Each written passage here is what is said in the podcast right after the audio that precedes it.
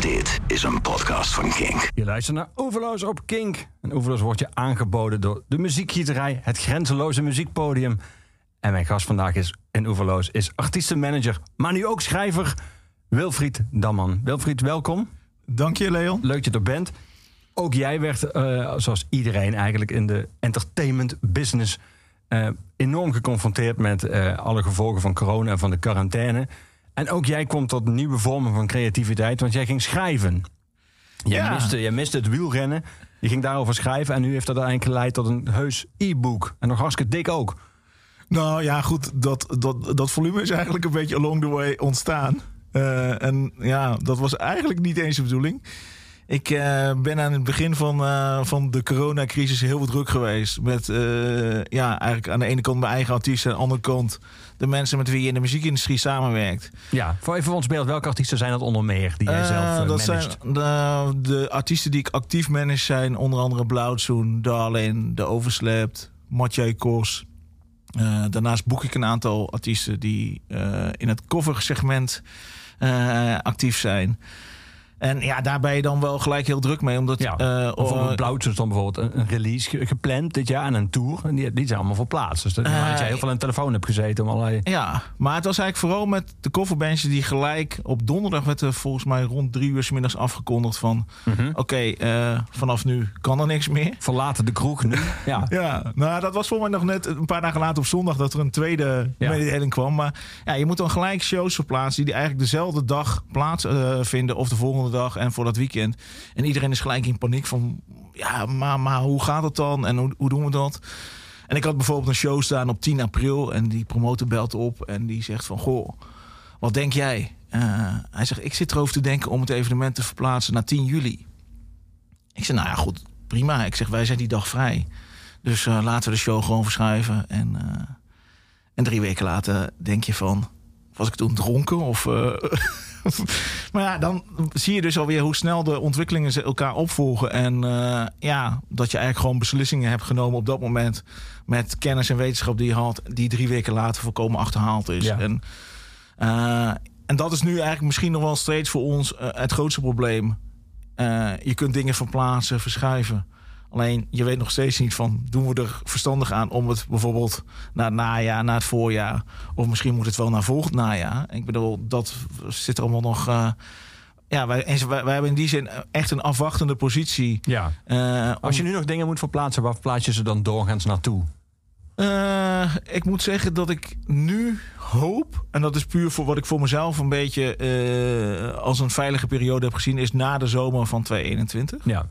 Ehm, en dat is niet op enige kennis of wetenschap eh berust dat. Maar ja, dat is voor mijn gevoel een beetje een veilige periode. Omdat ik zoiets heb van, nou, ik zie in de winter gewoon nog te veel beperkingen. eh, bij indoor shows met die anderhalve meter eh, Ja. ruimte die je moet aanhouden. Dat is gewoon om daar op schaalgrote concerten te gaan organiseren. ja, er zijn wat, wat pogingen, zoals de Ziggo die dan voor ongeveer Ja. 2000 mensen. maar er zijn natuurlijk een beperkt aantal artiesten die dat kunnen en Nou een ja, beperkt aantal zalen. Je, maar je hebt ook gewoon artiesten. Ik bedoel, eh, als je wat, wat meer dynamisch... Kijk, voor singer-songwriters denk ik werkt het prima om op een stoeltje te gaan zitten. Want dat doe je in een theater ook. Maar eh, bij wat meer energieke en dynamische muzieksoorten... ja, willen mensen gewoon die energie ook kwijt. eh, zowel de artiest als, als de bezoeker. Ja, dan werkt het dan volgens mij niet echt dat je op een stoeltje gaat zitten. Nee. En bij sommige shows zie je ook volgens mij... was de jeugd van tegenwoordig dan in Ziggo Dome... dat Ja, het publiek wel ging staan... en ook wel eh, ging dansen. En zelfs meezingen, wat ook niet mag. Ja, nee, nou ja, maar goed, ik bedoel, dat is natuurlijk ook. eh, misschien is dat in, in, in voetbal nog wel eh, een veel groter probleem straks. Want mensen mogen niet juichen, moeten blijven zitten. Ja, ik zie dat gewoon 1, 2, 3 niet gebeuren dat dat te handhaven valt. Nee. En ik, volgens mij was er bij de jeugd van tegenwoordig ook zo dat men het ook oogluikend toeliet. Ja. ja, en ik denk ook wel dat we die kant weer op moeten. Want ja, anders kun je net goed zeggen van we doen het niet. Want ik vond eigenlijk bij voetbal dat op het moment dat daar ook vragen over kwamen van goh, hoe moet men dan straks zich gedragen in zo'n stadion? Dacht ik ook van ja, als je het op deze manier nu zo organiseert, doe het dan eigenlijk maar niet. Want je weet gewoon dat het op die manier niet kan. Nee, nee. Maar goed, ja. Maar als jij het hebben van najaar 2021, is dat dan in de hoop, je gebruikt net het woord hoop daarvoor al, maar is dat ook in de hoop dat voor dat najaar 2021 er nog een festivalseizoen plaatsvindt? Of, of eh, Ja, dat hopen we natuurlijk allemaal wel. Maar als ik dan bijvoorbeeld altijd kijk naar de start van het festivalseizoen, wat Paaspop, Paaspop is. Schijndel, ja. Eh, maar ja, daar is de mainstage ook gewoon een tent van 15.000 man. Wat eigenlijk gewoon een Ziggo Dome is in Weiland in Schijndel. Dus Ja. eh, wat is daar zoveel anders aan dan, eh dan de Dome? Dus dan denk ik dat dat heel lastig is. Ja, en hoeveel echt open-air festivals zijn er? Je bedoelt, de meeste zijn eigenlijk verkapte tentfestivals. ja. Ja. Ja, ik bedoel, met het Nederlandse klimaat is het gewoon het risico te groot om alleen maar...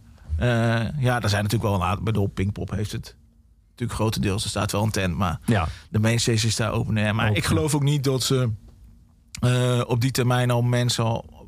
Ja, je kunt buiten die anderhalve meter ook niet handhaven. Dus er zijn denk ik gewoon nog te veel beperkingen. Plus het feit dat we natuurlijk niet alleen met Nederland te maken hebben...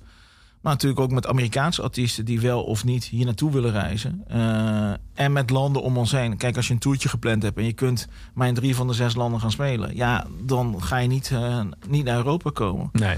Dus het, het, ja, het, het wereldwijde probleem is gewoon nog te groot, denk ik, om echt, echt te kunnen gaan zeggen van nou, we kunnen weer gaan draaien. Ja, Naast dat wij natuurlijk als Nederland zijn ook nog lokaal misschien wel een van de strengste maatregelen hebben voor de, voor de entertainmentbranche. Mhm. Ja. Ja, en alle oplossingen die er tot nu toe zijn, eh, bieden misschien wat vermaak. Eh, ik bedoel, eh, de streamingconcerten. Ehm, maar ik heb het idee dat dat nu zijn hoogtepunt ook al wel weer beleefd heeft. En dat de animo daarvoor afneemt. Ook natuurlijk omdat we nu toch bijna en masse op vakantie gaan. En ja, eh, dan is het eh, de behoefte aan, aan, aan streamingconcerten volgens mij wel weer, eh, wel weer voorbij. Ja. Goed, dus jij had daar allemaal mee te stellen. Jij moest allerlei bands om gaan boeken. En je gaan voorbereiden op een raar najaar, voorjaar. En wellicht het zelfs volgende ja, zomer. Nou, zover dachten we toen nog Nee. niet, maar dat is het inmiddels wel geworden. Ja, ja. ja. En toen ging je schrijven. Toen ging je schrijven over een andere liefde voor jou naast muziek, het wielrennen. En toen ging je nadenken over wat het koersverloop zou zijn van klassiekers die niet doorgaan. En dat leidde uiteindelijk tot Winnaars zonder zegen, jouw boek. Ehm je schreef ergens in een begeleidend, in een begeleidend schrijver dat boek dat in eerste instantie was het bedoeld alleen maar voor je vrienden. Ja, dat kwam ook eigenlijk. Wij hebben, we gaan elk jaar met een aantal vrienden gaan bezoeken een aantal koersen. En eh, Het is nou één vaste groep mensen, of niet? ja, eh, ja, het zijn eigenlijk drie vrienden van de middelbare school. Die worden in het begin van het boek ook, eh, ook opgevoerd. ja. Eh, en daar doen wij ook mee aan pronostiekspellen. Dus wij, wij voorspellen eh, zelf al hoe de koers gaat verlopen. En dat is eigenlijk eerst begonnen altijd met de Tour de France... dat je een ploegje opstelde. Ja. En dat doen we eigenlijk al sinds dat we, ik denk 15, 16 zijn. Toen deed je dat met de, de lokaal-regionale krant... waar je een, een tourploegje kon samenstellen. En inmiddels gebeurt dat natuurlijk allemaal met keurige, snelle apps. En kun je dat met meerdere mensen doen. Ik doe dat bijvoorbeeld ook nog wel eh, met andere subpools... die je dan met vrienden kunt opstellen. Ik Ja. bijvoorbeeld met John de Braber en Blauwzoen in een subpooltje. Eh, met nog wat andere muziekwielervrienden. Ja, en dan daar begin je boek mee, hè, de proloog. In februari kreeg jij een uitnodiging voor het grote klassiekerspel. Ja. En dan gaat het dus over, eh, voor de, niet ingewijden, zoals ik dat ook was voordat ik jouw boek las. Eh, een, een online spel waar je eigenlijk voorspellingen voor de wielerkoersen kunt doen. En eigenlijk, net zoals bij heel veel spellen is de bedoeling dat je wint. Dan gaat het vooral om de eer. Het is niet in, in Ja. geldbedragen, maar een, Nee, want je betaalt volgens mij per jaar 10 euro om aan dat hele platform mee te kunnen doen. Want je kunt ook inzetten op voetbalwedstrijden. Volgens mij ook nog wel op Formule 1 Ja. jachten. En je kunt het zo gek niet bedenken. Ja, maar jij neemt het zo serieus dat je het alleen maar gebruikt voor de sport waar je echt heel veel van weet. Nou, ik gebruik het ook voor voetbal. Daar weet ik misschien nou, min of meer net zoveel van als van wielrennen. Ja, Eh, maar je bent er eigenlijk mee bezig, want je schrijft dat het een app is die onder je huid is gekropen. Nou ja, maar dat komt gewoon ook omdat je met vrienden heel erg mee bezig bent. En het is toch gewoon een beetje ook wat je zegt met betrekking tot de eer.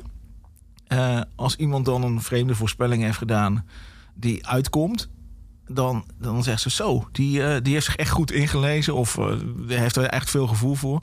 Maar als je dus ehm foute voorspellingen maakt, eh, die enigszins lachwekkend zijn, eh, nou ja, dan, dan krijg je natuurlijk ook alle, alle hoon over je heen. Ja. En dat is dan vooral in appgroepjes en zo, is dat natuurlijk wel. En zoals dat meestal is bij vriendengroep waarschijnlijk tot een lengte der dagen, of niet? Je moet bepaalde dingen nog best lang horen.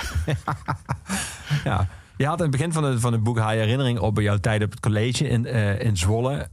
Ik moest heel erg lachen omdat je weer het hebt over wat eigenlijk de, voorlopers van influencers waren. Influencers af alle letteren bijna.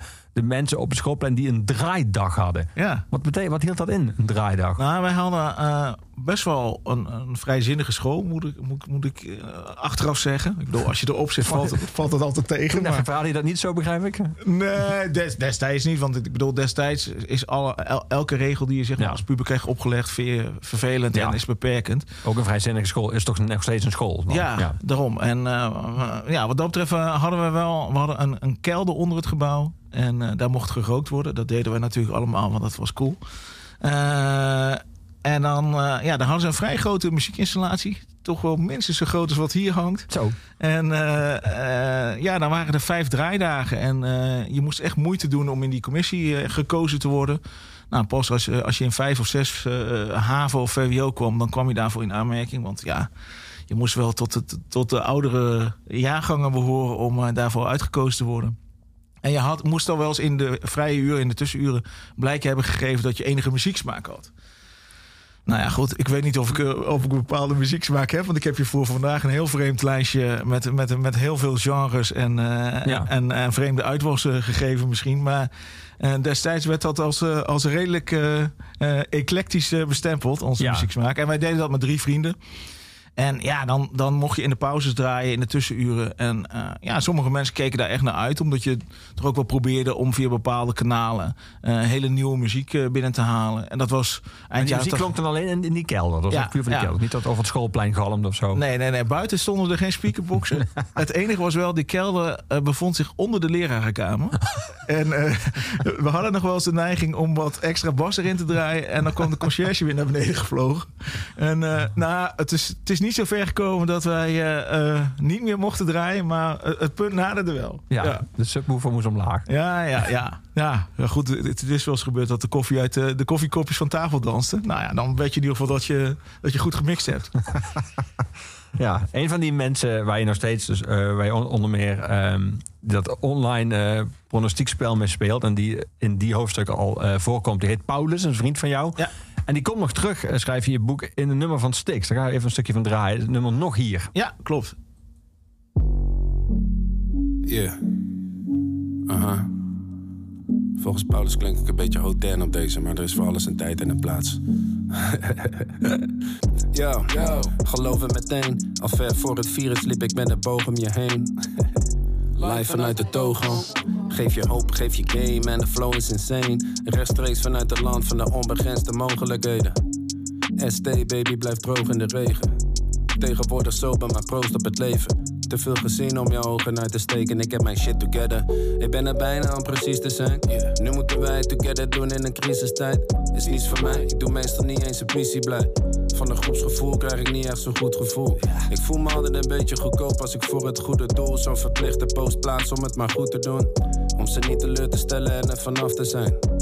Hoe kan zelfprofilering nou krachtig zijn? Drukke mannen en iedereen wil een stukje van me. En ik heb geen manager ertussen om ze op te vangen. Met een vriendelijk maar dringend verzoek. Laat hem even met rust, hij is druk met zijn film en boek. Nou ben je met mij, ben je nog hier? Nou ben je met mij, ben jij met mij? Nou ben je met mij, Nou ben je met mij, ben jij met mij? Oh, wat moet het mooi zijn voor jou om dit mee te maken. Als je nog eentje wil, moet je nog eentje vragen. Zit goed in mijn vel deze dagen. Was een beetje zwaar, nu ben ik 10 kilo lichter. Netjes. Met nieuwe inzichten en een nieuwe windrichting. En een nieuwe grip moet ik opnieuw inrichten. Werk te doen. Je kan altijd jezelf opnieuw uitvinden. Tuurlijk. Je moet niet moeilijk doen. Het is niet het wiel uitvinden. Snap je? De koude kalm om in paniek te raken. Zijn gewend van niets iets te maken. Mijn lot en ik, wij doen prima zaken. Waar zie je mij van aan? Gekke Gerrit of zieke Shaki? Je zag het bij Dream School, ik ben peaceful. Hou het zo eerlijk mogelijk, vermijd de biechtstoel. Voor het grootste deel zit ik in de doe niet tofstand. Maar als je smoke wil, ontsteek ik een bosbrand. Ja, het seizoen is verloren, de oogst is verregend. Maar hoop doet leven, al is het op hoop van zegen. Hit je iedere week, zie je wel? Aha. All I want is forever, Regina Bell. Jij bent per se net als Libertel. Bouw een catwalk voor mijn nieuwe Ja, Wilfried, hier zit die vriend van jou dus in. In, dat eerste, in die eerste zin meteen. Ja, hij Dat is al. hij, ja, dat heeft hij eigenlijk voor mijn gevoel niet. Maar eh, hij is al heel lang bevriend met de jongens van Opgezollen. En eh, volgens mij heeft hij in het begin van hun carrière ook nog eh, wat zakelijke dingen voor hun geregeld. Maar dat is denk ik al 20, 25 jaar geleden. Ja. Dus dat, eh, maar hij is nog steeds heel erg betrokken bij, eh bij hip-hop in Zwolle. Bij elektronische muziek. Hij is eh danceprogrammeur van Hedon ook. En bedrijfsleider bij Plato. Dus hij- zit heel erg diep in de muziek.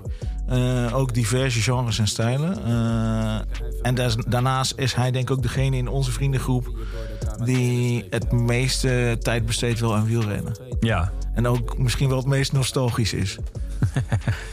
Je beschrijft in jouw boek, ehm, toen jij dus uiteindelijk ook mocht draaien bij jou op school, welke muziek dat toen was. De muziek waar jij zelf mee bezig was. Dat, was, dat varieerde van New Wave tot eh, Slayer. En van Urban Dance Squad tot Guns N' Roses en de Black Crows. Ja. Ehm, het grappige is dat in ieder geval eh, Urban Dance Squad eh, en de Black Crows eh bij ook aan het draaien in deze oeverloos. Die, die, die, die spelen dus nog steeds een rol in jouw leven. Ehm, is dat in zijn algemeenheid zo, denk je, dat de muziek die zeg maar, in je puberteit, zo je middelbare schooltijd, belangrijk voor is? Dat dat, dat dat sowieso muziek is die heel lang, misschien wel levenslang met je meegaat en ook daarna een soort van je smaak definieert? Ja, ik denk wel. Ik heb daar ook best wel veel over gehad met artiesten waarmee ik nu samenwerk. Ehm, kijk, wij hadden vroeger een bepaald budget zeg maar, om nieuwe muziek te kopen. Dus als je Ja. een nieuwe eh, plaat of cd kocht, dan draaide je die gewoon drie, vier weken achter elkaar van voor naar achter en weer terug. En werd je echt fan van een artiest. En nu is het gewoon zo, als ik bijvoorbeeld een New Music Friday op Spotify luister, Ja. Dan skip je daar al bijna doorheen. En ik bedoel, liedjes die je tof vindt, sla je misschien op of draai je nog een keer. Maar het is veel meer dat muziek kauwgom is geworden. Terwijl het vroeger zeg maar echt een bijna een soort hoofdmaaltijd was... die je dan, dat je de hele week spaghetti had, zeg maar. Ja, Ehm, en daarom denk ik ook dat voor, voor, voor mensen van mijn leeftijd, zeg maar tussen de 40 en 50... eh, dat heel erg die muziek van hun jeugd blijft hangen. Niet zozeer omdat het beter of zo is, maar dat het gewoon heel diep... je hebt je eigenlijk gewoon heel vaak gehoord. Ja. En heel intens. Ja, en, en, en ook wel dat je toen gewoon... Toen waren concerten misschien ook wel veel meer magisch voor je. Omdat je... Nu heb ik misschien wel, nou weet ik veel, duizend, 2000 concerten gezien. En eh, in het begin dat je met de trein naar Tivoli, naar de Oude Gracht gaat. En eh, ja, dan was dat gewoon spannend. Eh, dan moest je van tevoren al kijken in zo'n gewoon spoorwegboek... hoe laat de laatste trein terugging. En man, man, man, dat was echt exciting. Ja, en nu, ja, nu kom je bij de backstage aan en ga je naar binnen. Is die, die, die, die magie heel erg anders. En ik vind dat zelf ook wel eens lastig. Dat ik ook wel eens denk van ja, je wordt ook wel een beetje blasé. Je hebt bijna geen artiest meer waar je nog voor, de, voor je eigen liefhebberij naartoe gaat. Vooral ook omdat een aantal van die artiesten uit die tijd natuurlijk niet meer optreden. Eh, zoals bijvoorbeeld Urban Dance Club. Maar de Black Crows zouden dit najaar komen Ja. in de Avonds Live. Ja, had jij kaartjes voor? Je had zelfs een balkonplek gereserveerd, schrijf je in je boek. Nou ja, goed. Ik ben, ben, ben goed bevriend met de promotor van de show. Ja, en die, er en die was weet- een balkonplek voor jou gereserveerd. zo Ja, ja, en die, die weet dat ik fan ben. En eh, ze zouden integraal hun, hun eerste plaat gaan spelen. Ja, Dus dan, dan, dan ben je zeker weer van op tijd. Hoewel, ik moet wel moet zeggen... eh, en dat is misschien ook wel iets wat het nadeel van mijn vak nu is... dat je ook heel veel artiesten, zeg maar, persoonlijk leert kennen. En ik heb die jongens van de Black Rose ook een keer ontmoet... en ook een tijdje gesproken. En toen dacht ik na afloop, wat zijn het eigenlijk van eikels? Het was helemaal niet leuk. Het, het beeld wat ik van ze had... Tuurlijk hadden ze in de pers ook al wel heb een bepaald beeld van die, iemand... maar toen je ze gesproken had, dacht je eigenlijk van, echt van... ah, dat ik hier fan van ben geweest of nog steeds ben. maar je was er niet... Ik, ik herken dit hoor, maar aan de andere kant slaat het eigenlijk nergens op. Je bent nooit fan geweest van hun persoonlijkheid. Je was Nee. fan van hun plaat. Ja. Ja, maar goed, de, de persoon achter de, de, de plaat is natuurlijk ook wel... Maar ja, eigenlijk moet je die afstand gewoon houden, denk ik... om de magie te behouden. Ja. Eh, ondanks dat je natuurlijk ook interviews leest en op tv ziet en eh, op de radio hoort. Maar ja, ik kwam hun tegen in een restaurant in, eh, in Amsterdam. Zij, zij speelden volgens mij drie avonden achter elkaar in Paradiso. En ik was daar met Marco Roelofs, Kevin van der Epers en Andy Carnes van Therapy. Wij deden toen promotie voor... eh, De voor Jack Daniels Tour. ja. En, eh, en die kenden hun blijkbaar ook, eh, want die, die, die spraken elkaar even aan. En toen zat ik dus even bij hun aan tafel. En, en toen dacht ik, toen we van tafel liepen, dacht ik van... Goh, ze zijn toch wel heel anders dan die Andy. Want dat was gewoon een hele toegankelijke gast. En daar hebben we gewoon twee dagen lang gezellig mee door Amsterdam. Ja, we zouden eigenlijk pers gaan doen. Maar daar hebben we toch een aantal dingen van afgezegd... omdat hij nog een hoofdpijn had de tweede dag.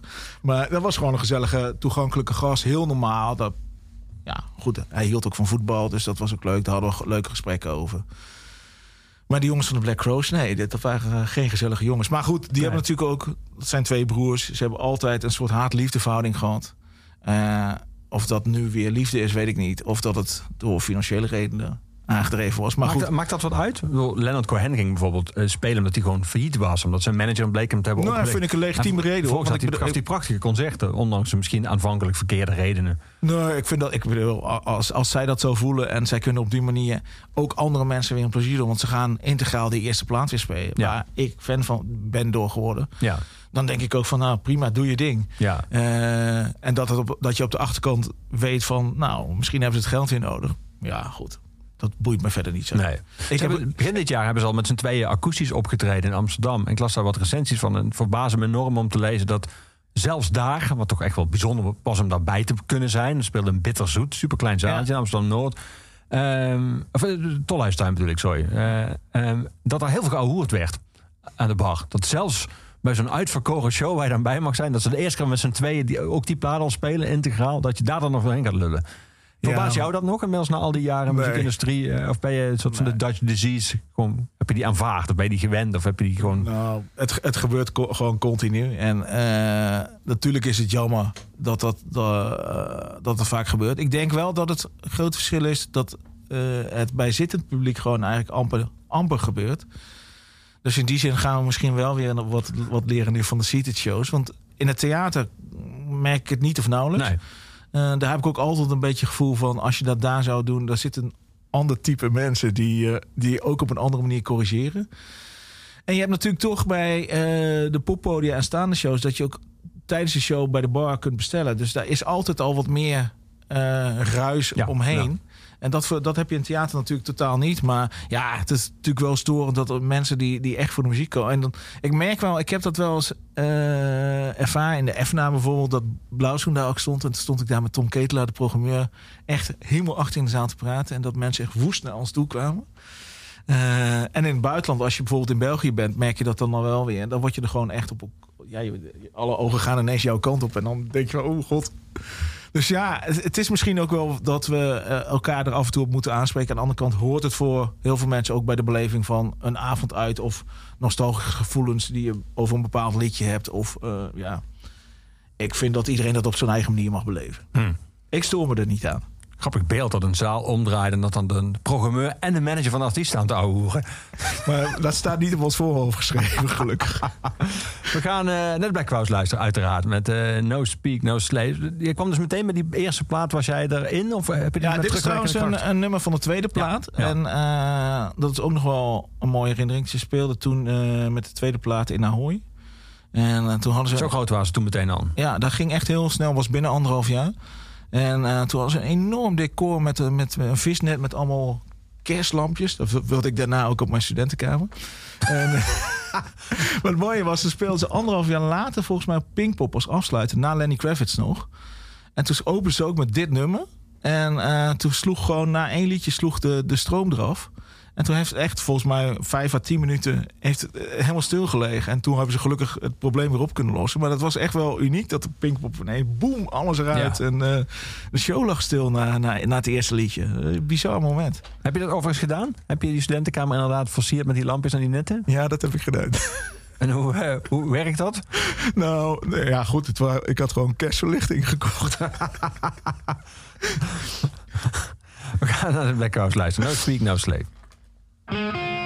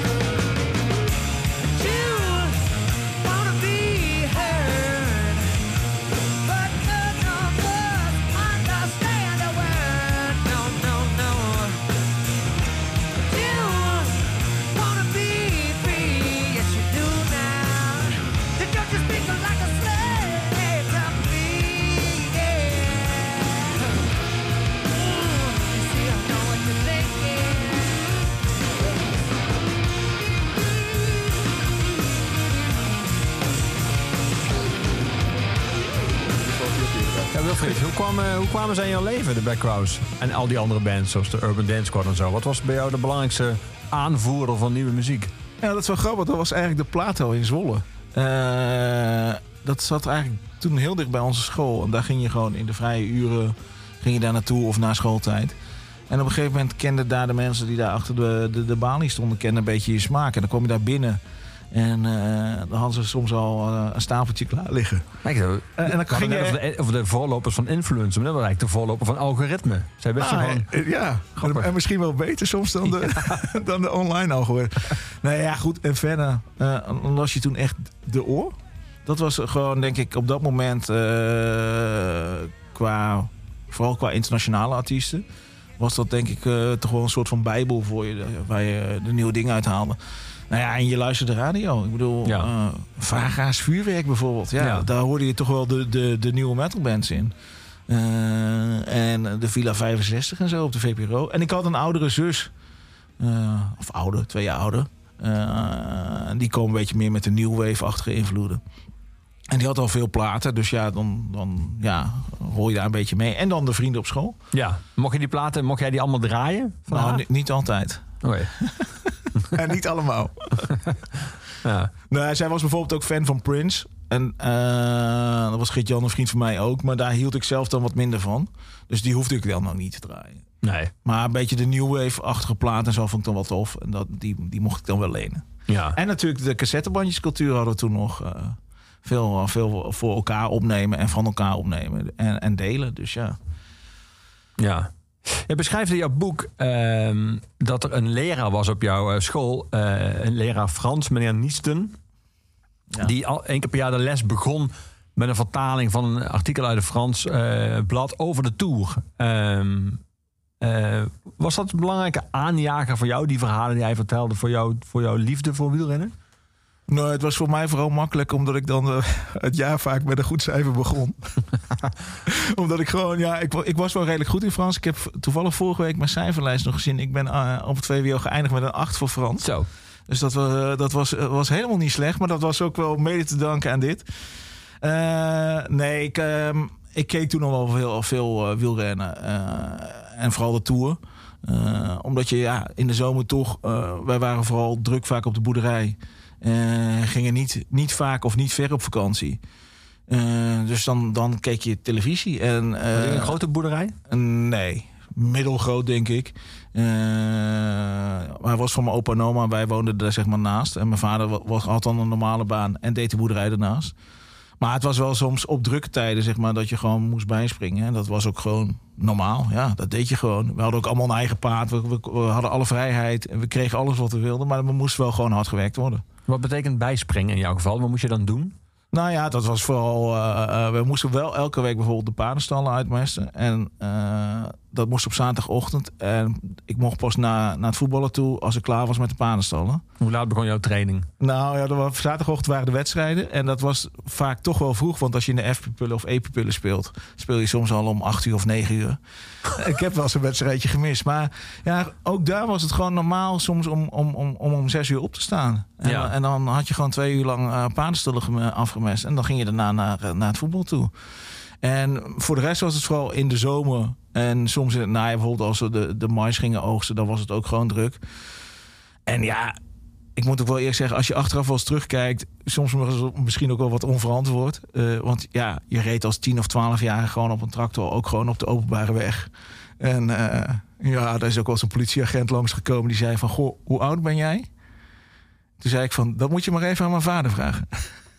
Jij was gewoon de voorloper van Farmer Defence Force in je eentje. Nou, dat is zo wil ik het niet. Of, of ging je niet naar het provinciehuis? Nee, zover kwamen wij niet. Ja. Je, sch- je voetbalde op zaterdagochtend had je wedstrijden, maar je bent niet opgenomen. Schrijf je je boek in de jeugdselectie van Pek Zwolle. Nee, maar dat ligt vooral aan Piet Schrijvers, hoor. Oké. Nee, ik, eh, we hadden daar eh, selectietrainingen. En toen merkte ik wel gewoon, ik bedoel, in je lokale elftal was, kon je redelijk goed meekomen. Was je misschien wel bij, bij, bij, bij de betere spelers. Maar dan ga je ineens bij eh, een selectie spelen uit de provincie. En dan merk je gewoon dat het eh, tien keer sneller gaat. En eh, ja, dan kun je gewoon ineens niet mee. En eh, nee, die betaald voetbalcarrière was, was snel voorbij. En dat was ook een beetje, toen was ik 15, 16. Ja, dan ga je ook de andere geneugden des levens zien. Ja. En eh, ja, dat kreeg toen wel enigszins de overhand. eh. En Ja. toen was die voetbalcarrière was wel voorbij, ja. ja, maar je schrijft wel... Sport kijken kon ik als de beste. Ja, dat heb ik nog steeds wel. Want ik bedoel, ik ben nog steeds geen, geen enorme sportman. Dat ik eh, eh, nu heel actief sport. Ik bedoel, ik ben me er wel wat van bewust geworden nu ik wat ouder word. Eh, dat, dat je gewoon ja, wel af en toe moet sporten om zeg maar, je lichaam en geest gezond te houden. En daarom doe ik het wel. Maar het is niet zo dat ik met heel veel plezier nou bijvoorbeeld naar de sportschool of zo ga. Nee, klinkt wel echt, als je het beschrijft, klinkt het ook gewoon opeens wordt je tempo lager, je toon lager. Het klinkt als een moedje. Ja, dat, maar dat is het. Ik bedoel, ik, ik, ik, ik hoor van heel veel mensen die, daar- die daar heel blij van worden en er veel energie van krijgen. En eh, daar kan ik me iets bij voorstellen, maar ik heb dat niet. Nee. Ik word dan eerder gelukkig als ik op de bank lig te kijken naar een goede wielrenwedstrijd. Ja. Ik vroeg dat net van die leraar die, eh, die, eh, die, die zo enthousiast vertelde... en die je altijd liet vertalen uit, Franse, uit Franse bladen... wat voor invloed hij had gehad. Omdat jij gegeven moment eh, haal jij een aantal Poolse hardrijders... uit de jaren tachtig aan die jouw favorieten waren. En die zag jij als, schrijf je als buitenaardse krachtpatsers. Eh, en dan haal je Mart Smeets aan. eh, de manier waarop hij over, over ze sprak. Dus ik dacht, misschien is het ook wel een bewijs dat hoe iets tot je komt, het enthousiasme van iemand anders, een soort ambassadeur, dat dat heel vormend kan zijn voor je. Nou ja, goed. Het is, je hebt het natuurlijk al eerder over influencers gehad. En ik denk dat qua sportbeleving dat Mart Smeets een hele grote influencer is geweest. En misschien soms nog wel. Want ik bedoel, de manier waarop hij over sport en sporters vertelt... eh, zie ik nu eigenlijk niet bij heel veel andere commentatoren of, eh, of eh, journalisten terug. Dus, en ik moet zeggen, ik heb dit, dit weekend de boekenkasten weer eens opnieuw ingedeeld. En er kwam best wel... nou, een metertje Mart Smeets kwam er wel voorbij. Bij de S is die goed vertegenwoordigd. Ja, ja. En eh, nou, hij was natuurlijk toch qua wielrenner samen met Jean Neuze in de periode 80 tot 2000. Ik weet eigenlijk niet precies wanneer Jean Ja, is overleden. Maar eh, ja, die waren gewoon... Dat, dat was zo'n duo. Zo geluid en beeldbepalend zeg maar, voor die sport. Ja, dat hij eh, eh, denk ik toch wel heel erg bepalend daarvoor ge- geweest is. En veel meer dan, dan zo'n docent op school. Ja. Eh, Er zat ook natuurlijk heel veel in hun manier van beschrijven, heel veel heroïek en heel veel romantiek. ja, maar- Was of ben je daar gevoelig voor? Of sprak, spreek jij dat ook aan? Ja, ik denk wel dat ik daar gevoelig voor ben. Ik, eh, eh, bedoel, ik- ja, ja, hoe moet ik dat stellen? Het was misschien ook wel. Kijk, nu heb je een andere context. Eh, als je eh, bijvoorbeeld iets over een sporter wil weten, zoek je dat op. Je kunt YouTube-filmpjes bekijken. En toen was dat dus. als je dan zo'n beschrijving van Poolse hardrijders. Ja, dat kon je niet opzoeken op YouTube. Dus ik heb ze één keer gezien. Mart vertelde dat verhaal. En dan dacht je van echt van, oh, die komen dus uit Polen. Ja, dat is ver weg. Ja, ja ze kunnen heel hard. Maar het was als beleving voor je als kind was dat een heel andere wereld. En dat vergrootte denk ik ook wel dat, dat hele. En, en ik bedoel, later bleek misschien wel dat ze helemaal niet zo hard konden fietsen. Maar door het verhaal, dat blijf je dan ook 30 jaar later nog steeds bij. Ja. En, en, en ja, misschien kon ze ook wel hard fietsen, wie weet. Maar zoals Mart het bracht, eh, ja, dat, ik bedoel, ik zag bijvoorbeeld van, van de week ook nog beelden van Eric Heiden terug. Eh, Lake Placid 1980 Olympische Spelen. Hoe die daar schaatst en hoe Mart dat becommentariëren. Dit kan gewoon niet, ja. En ja, ik heb, ik heb dat in de zijlijn een beetje meegekregen, want ik was toen zes of zeven. Maar ja, Eric Heiden is nog steeds een mythische sporter die gewoon eh, volgens mij vijf Olympische gouden medailles toen won. Dat is daarna ook nooit meer vertoond in die sport volgens mij. Ja, de- hoe hij dat vertelde, eh, wa- ja, hoe hij daar ook zeg maar eh, blijk gaf van zijn kennis. En hij was misschien ook wel heel erg Amerikaans georiënteerd. Mhm. Eh, en dat maakt het misschien ook wel ja, wat groter en wat spannender dan dat het misschien was. Ja, ja. Ik zei al, het gaat over sport uiteraard, eh eh winnaars zonder zegen. Maar het gaat ook over muziek. eh, vanwege jouw liefde voor muziek, vanwege jouw werk in de muziekindustrie. dus ook de John Coffey anekdote komt langs. De zanger David achter de mode, die toen op Pinkpop een beker naar zijn hoofd geworpen kreeg. Met een ongelofelijke timing en coolheid en nonchalance. Die beker pakte, dreeglonk, leeg dronk en weer terug eh, wierp het publiek in. Die beelden zijn talloze keren herhaald. Maar je schrijft ook in je, in je boek dat op een gegeven moment die beelden al vrij snel, omdat die natuurlijk zo populair waren, door allerlei commerciële partijen gebruikt eh, werden. En dat jij toen eh, samen met een regisseur van de publiek om op, op een vriendelijke manier dat een halt hebt toegeroepen. Dat klinkt bijna zo'n eufemisme alsof er sommige mensen een paardenhoofd in een bed hebben gevonden. Eh, maar hoe, Nee, hoe- nee, nee. Oké, hoe, hoe werkt dat dan? Even goed, ben ik nieuwsgierig naar als liefhebber van de muziekbusiness. Dan, dan zie je opeens die beelden overal opduiken met een commercial-achtig ding eronder. En dan moet je dat terugdraaien of zo? Of- Ja, nee, ja, goed. De, de beelden waren eigendom van eh, bureau Pinkpop samen met de publieke omroep. En eh, die hebben dat dan uitgezonden eh, op de publieke omroep. En Ja. daar hebben wij toestemming voor gegeven. Ik denk dat de VPRO dat toen al uit- uitzond, maar de, de, de rechten za- zaten bij de NPO. En eh, toen was er een partij die had het, eh, het biertje vervangen door een grote trekdrop. En eh, die- daar hadden ze een, een, een, gewoon een YouTube-filmpje van gemaakt, wat via sociale media werd. Dan leek het net of hij een grote trekdrop ving. Ik weet eigenlijk niet meer precies welk merk het was. Het was wel een Nederlandse partij, geloof Ja. ik. En ja, goed, daar gingen ze dan online en social gingen ze mee aan de slag. Nou ja, goed, wij hadden zoiets van ja, dat vinden we gewoon niet cool. Eh, wat kunnen we eraan doen? Nou, dan ging de jurist van de, de NPO aan de slag. Eh, en later zagen we ook iets van een Amerikaanse pizzamaatschappij die dat had gedaan. Eh, Dus het was ook uit het buitenland had het bereikt dus ook. ja, want het, het, het kwam toen op, volgens mij op Reddit, zo'n Amerikaanse site, die Ja. pikte het vrij snel op. En het is toen ook wel bij een aantal grote Amerikaanse talkshows geweest. Maar de, de band had gelijk zoiets van: wij willen één, één keer er aandacht aan geven. En toen kwam gelijk gelukkig de vraag van Eva Jinek en daar waren ze allemaal fan van. En eh, daar zaten ze dan op maandagavond keurig eh, met eh, nette haartjes en nette kleren aan bij Eva op de bank. en toen was het ook klaar. En vorige, ja, we hebben daarna nog wel een aantal keren wat, wat aanvragen gehad om, om, om ja, daar aandacht aan, aan te schenken. En vorig jaar heeft David dan nog een, een, een- dat vonden we dan leuk om te doen. Hij kreeg een aanvraag voor een commercial van een Engels bier, eh, biermerk. Was eigenlijk een soort ja, klein indie biermerkje wat een commercial wilde doen over Beer Heroes. Er waren dan nog wat andere gasten die ook iets leuks met bier hadden gedaan. en eh, nou ja, goed. Daar, hij is drie dagen naar Londen geweest. Heeft daar in een vijf-sterren hotel gezeten met zijn meisje. Heeft volgens mij twee keer tien minuten wat opgenomen. En eh, prima. En daar hebben we nog wel weer wat geld voor gehad. En eh, Ja. dat, was, dat was leuk. Maar voor de rest had iedereen zoiets van... ja, eh, eh, prima wat er gebeurd is. Eh, maar daar laten we het ook bij. ja. Alleen, we hadden ook wel zoiets... dit weekend daarna stonden we op twee grote Duitse festivals... en op Best Kept Secret. En toen hadden we wel zoiets van... ja, shit, wat gaat hier gebeuren? Want gaat, gaan mensen nu weer proberen een biertje te gooien? En moet... Maar goed, dat viel allemaal reuze mee. mee, hè? Ja, Ik dat, kan me voorstellen dat er een reële angst is dan. Dat je ja, oh, nou ja, ben- we hadden in Duitsland, dat was de eerste show. En eh was Hurricane, dat was best wel een groot festival. Ja. En daar speelden ze op het tweede of derde podium. En eh, daar hebben we echt van tevoren wel met die organisatie ge- ge- gezeten. Van ja, wat moeten we doen? Moeten we alles in, onder, onder plastic gaan zetten? Of eh, wachten we het even af? Kijken wat er gebeurt. Maar ja, daar was best wel een grote afstand daar tussen podium en publiek. En ja, het Duits publiek is dan misschien toch wel weer wat gezagsgetrouwer, netter. En ja, die Ja. drinken liever bier dan dat ze het gooien misschien. ja, nu gebeurde het natuurlijk op Pinkpop op het moment dat David het publiek inging. Ja, ja, Ja. hij stond toen ja, Op de handen een van me- meter of, eh, of zeven achter het publiek in. Dus ja, dat heeft hij daar ook niet gedaan. Dus het is allemaal goed afgelopen. En toen was het, na dat weekend was het ook gewoon wel klaar. En toen is het ook eh, vo- bij mij weten amper nog... Ja, er zal best nog eens een keer een biertje zijn gegooid. Maar niet meer op deze manier. eh, Nee. Even een stukje naar ze luisteren. Een van hun eh, grote hits en festivalklassiekers eh, van John Coffey, Broke Neck.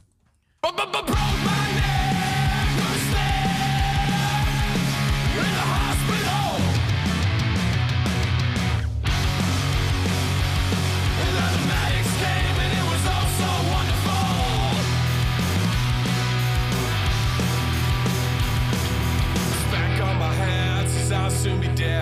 Slim chance of healing, what doctors are everywhere. Recess of thought, suspicious ground. A tumor or cancer is easily found.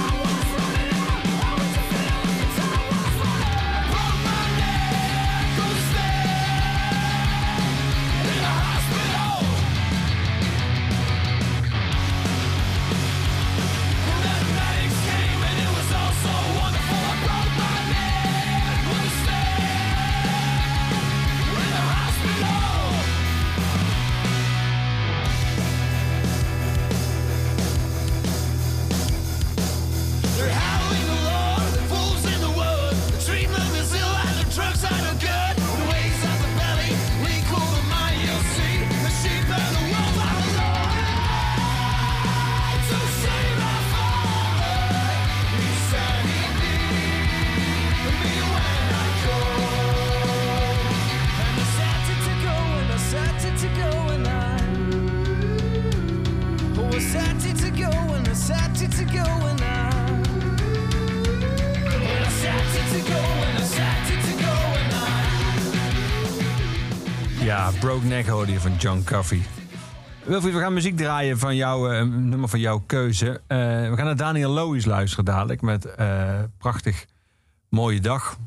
Ehm, waarom hij? Welke rol speelt Daniel Lois in jouw leven? Was dat met Skik al zo of is dat later gekomen? Ja, met Skik ook wel. Maar ik vond het ook wel gewoon mooi om een liedje te draaien in, eh, in het dialect. Ik eh, kom eh, uit Dalfsen. Ja. En dat is natuurlijk wel een ander dialect dan wat Daniel uit Erika bezigt. 17 kilometer moest je elke dag fietsen, las ik in jouw boek. Ja. Van Zwolle, school naar Dalfsen. En dan nog soms opschieten omdat je op tijd moest zijn voor een sportwedstrijd of zo op tv. Nou ja, dat wilde ik dan soms. Dan kon ik ineens harder fietsen dan ik zelf voor mogelijk hield. Ja. Maar eh, nee, het was, het was vroeger wel eh, een, een eindfietsen. Wij woonden helemaal buitenaf eh, aan de rand van een bos. En als het heel koud was, dan werden we gebracht of gingen we met de bus. Maar dan moest je eerst alweer vijf kilometer naar de eerste bushalte fietsen. Ja. Dus dat was ook niet echt zinvol. Nee, ja, goed. het, het was ja, eh, agrarisch gebied, zeg maar. Ja. En, eh, Waren er kinderen in jouw klas die nog verder moesten? Of was jij dan de, de verste weg, het verste wegkind? Nou, er waren wel kinderen die van verder weg kwamen, uit Ommen. Maar die gingen dan met de trein of met de bus. Nou ja. Dus eh, ik weet niet hoe ver die dan naar de bushalte moesten. Maar dat viel denk ik wel te overzien. ja. Nee, mijn eerste concert was denk ik normaal. Eh, die kwamen elk jaar met zo'n veldtocht naar Dalfsen. Ja. En een fantastische naam natuurlijk. Veldtocht. Ja, ja. Nou, het was al een mooie tijd, want eh, hun tweede manager, Martin Jansen, die had ook een, eh, was uitbater van een café wat op 500 meter van het huis van mijn ouders lag. En die jongens van normaal kwamen daar vaak. En eh, die gingen daar dan motocrossen in het bos. En ja, toen heb ik Benny en, en heb ik ook voor het eerst van mijn leven, nou niet wiet gerookt, maar wel wiet geroken. Die bassist Willem de Horst, die rookte wiet. En eh, ja, die had al heel lang haar en ze zaten op die motoren. En, dat was gewoon wel een soort van magie. En toen hadden ze ook op een gegeven moment hun eigen bier. Dat was het potjesbier. Dat was een wat kleiner, ronder flesje. En eh dan weet ik nog goed dat Benny een keer zo'n flesje naartoe gooide. Hier jong, milk pilsie. Nou, dat was, toen was ik denk ik een jaar of twaalf of zo. En toen ging ik met mijn oom, want mijn vader had zoiets van... ik heb geen zin om mee te gaan naar normaal. Maar mijn oom die eh, was echt muziekliefhebber. En eh, toen zijn we naar normaal geweest. Dat was mijn eerste optreden. En ja, was, je, goed. was je onder de indruk? Ja, ja dat, wa- dat, wa- dat was echt wel de ruige tijd. Eh, ik denk dat het midden jaren tachtig was. Dus dat ging. eh, eh, eh, het was wel echt harken, brekken en angel in de feesttent. En mensen met kapot gescheurde t-shirts. En er werd met van die soort feeststiften. En de mensen helemaal beklad. Eh, ja, daar, daar- en daar werd, daar werd e- echt met bier gegooid. Ik bedoel, Ja. ik denk dat Benny Jolink had al tien keer David kunnen zijn voordat hij het, eh, voordat hij het wist. Maar ja, dat was, dat was echt ruig. En eh, wij stonden echt een beetje aan de zijkant halverwege. En ik mocht natuurlijk nog geen bier drinken. Maar ja, dat, was, dat maakte echt wel indruk. Dat was, eh, ja. En eh, nou ja, goed, dialectrock heeft natuurlijk best wel een tijdje. En ik denk dat Skik midden jaren 90 een beetje dat overnam. Want Ja. normaal heeft natuurlijk echt wel van die golfperiodes gehad dat ze wel, wel weer actueel waren. Maar ja, die hadden toen hun glorietijd natuurlijk al gehad. Ja, had ik een tijd toen eh, met Kik vanuit die regio, met de Kas vanuit Friesland. De Robin Heijzen werd toen steeds populair vanuit Ja. Limburg. Dat er vanuit allerlei kanten dialect opkwam. eh. Ja, daarna kwam... uh, nou nee, Bluff maakt geen zeeuws Nee. maar goed. De, de, Die werden wel vaak in dat rijtje ingedeeld. Ja, Was dat natuurlijk klopt, ja. Regio-rock werd, was dan de term. Ja, nou ja, ja goed. Ik, ik weet niet hoe dat kwam. maar Ik, ik vond Skik vond ik toen wel tof. Maar dat kwam ook omdat ik toen al een beetje met bandjes meeging. Als tourmanager en manager van alles. Eh, en dan kwam je die jongens ook tegen. En dan leerde je ze ook kennen. En dat, dat, was, dat was leuk. Eh, en vanuit mijn gebied, ja, had je natuurlijk Hulleboer met Busje Ja. Komt Zo. Maar Ja. dat, ja, dat, was, dat was dan meer kleinkunst en eigenlijk flauwe kunst eigenlijk. Hoewel ze daar wel, wel een grote hit. En eh, zelfs, ze hebben er volgens mij zelfs beide een huis van kunnen kopen. Dus ja, hoe je soms met, met flauwekul toch nog succesvol kunt zijn. Of Ja. een slaatje uit kunt slaan. Nou ja, goed. En eh, later kwamen dingen als Jovink. En, en nu heb je nog wel wat dingen. Ik ben bijvoorbeeld goed bevriend met de bassist van, van, eh, van Bukkers. Die heeft nu ook een eigen plaat uit Arjan Pronk. Die ken ik al 30 jaar. Die maakt ook dialectrock. Maar ja, ik vind Daniel zijn teksten... eh, eh, de dingen waarover die zingt... ja, die zijn voor mij vaak wel heel erg herkenbaar. Mijn moeder is ook groot fan. Ik denk dat het zeg maar, voor mensen uit de regio gewoon heel erg een bepaald gevoel representeert. Ja, En dat was misschien bij normaal ook zo. Alleen bij normaal was dat wat meer vanuit boeren en vanuit misschien wel protest ook. Eh, en bij Daniel is het misschien wel meer eh, me- een soort melancholisch gevoel. ja. ja. Maar ja, dat, dat, dat vind ik mooi. Ja, we gaan draaien. Prachtig mooie dag, Daniel Loos.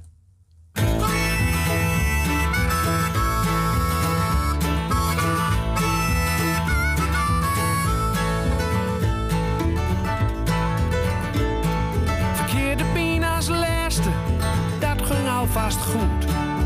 Koffie en de stoeten, valt zoals het moet. Ik zat vannacht te denken dat het ook wel weer eens mag. In mijn prachtig mooie dag. In mijn prachtig mooie dag. Niet alleen het weer, ook de blues en ook de rest. Ik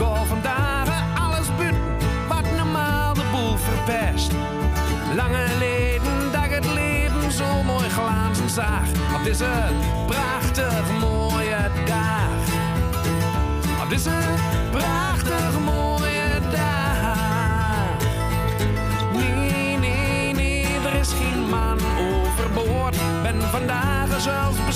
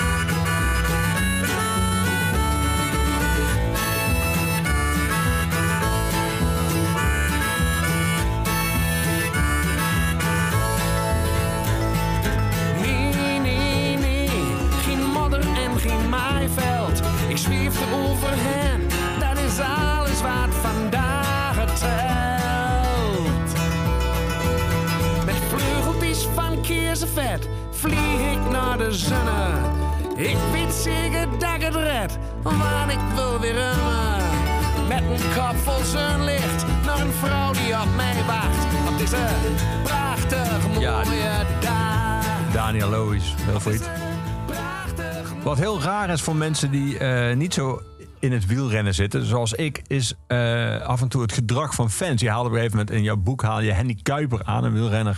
1985, die moest uitwijken van een supporter die op de foto wilde en toen eh te val kwam. Dat, dat is natuurlijk best wel vaak gebeurd. Dat is heel raar om dat te zien als niet-wielrenfan. Is dat, kun jij dat als fan kun jij dat toe, toe verhouden? Of is dat onder fans Nee. ook even ergerniswekkend of, of voorbijstromend als voor niet-fans? Ik stoor me daar ook enorm aan. En eh, het lijkt ook wel of het ieder jaar eh, toeneemt. Echt waar, ja? Ja, kijk, ik bedoel, die- dat, dat fragment van Kuiper was natuurlijk in, eh, in de jaren tachtig... waar nog iemand met een analoge camera probeerde om een foto te maken. Maar tegenwoordig is iedereen fotograaf. En wil je natuurlijk, iedereen wil gewoon tig foto's van de koers maken van de renners. Eh kruipt daar zo dicht mogelijk op. Eh, bij beklimmingen loopt men altijd mee met renners. Eh, ja, het is soms gewoon zo gevaarlijk dat je echt denkt van... ja, zet maar weer hekken langs de kant van de weg. Maar ja, dat is aan de ene kant natuurlijk ook de beleving van, van de sport die mensen hebben. Maar is het een belangrijk onderdeel van eh, de magie van wielrennen voor fans... dat je het gevoel hebt dat, je, dat, ze, dat ze heel dichtbij zijn... en dat ze bijna tastbaar zijn? Ja, ik denk wel dat dat eraan bijdraagt dat je gewoon met, met renners een normaal gesprek kunt hebben. Wat je vroeger met, met voetballers misschien ook wel had. Ja. Maar die komen nu natuurlijk de bus uit, hebben een, een koptelefoon op of eh, ja, zijn gewoon niet meer aanspreekbaar. Eh, alleen ik vind wel, als ik bijvoorbeeld kijk naar de Alpe d'Huez, wat dan zeg maar de Nederlandse berg wordt genoemd. Dat is bijna een soort van carnaval wat daar plaatsvindt. En daar staan ook heel veel mensen die, die, die weten echt niet wat nou de Nederlandse renners zijn. Dat moet dan gewoon iemand ze aanwijzen. Maar het- die gaan daar naartoe voor het feestje. Wat Ja. bijna is bijna zoals bij een voetbal bij oranje wedstrijden. ja, dat, dat, dat wordt een beetje de sfeer. Die, dat, het wordt ook de Oranje Berg al genoemd. Dus ja, da- daar heb ik als, als echte pure liefhebber wel moeite mee. Dat ik soms wel eens denk van... Hey, ga nou eens aan de kant en ga gewoon kijken wat er gebeurt. Ja, die mensen drinken natuurlijk ook veel, zijn in andere sferen. En eh, ja, die, die, die- ja, die hebben gewoon een feestje daar. Ja, Maar ja, ja ik stoor me eraan. ja. London Grammar gaan we draaien. Ehm, hoe kwamen die in jouw leven? Nou, die zag ik een keer. eh, ik was ook een keer heel vroeg. Dat was ook op Hurricane in Duitsland. In Schesel. Datzelfde festival waar je net John Coffee eh, Ja, en beschreef. ik was er in, denk ik een jaar, één of twee jaar eerder met Blauwzoen. En die kwamen toen van eh, het zusterfestival Southside. Daar hadden ze de dag ervoor gespeeld. Ja. En die moesten om 12 uur 's middags al openen. Ja, dat heb je in Duitsland nog. Dat je vroeger in België met Rock Werchter, eh Torhout Werchter. Ja. Daar heb je een paar van die festivals, zoals eh, Reading en Leeds in Engeland, waar je dan allebei de dagen... Ja, de dubbel line-up. En, eh, Waarom is dat in Nederland? Is Nederland dat te klein voor?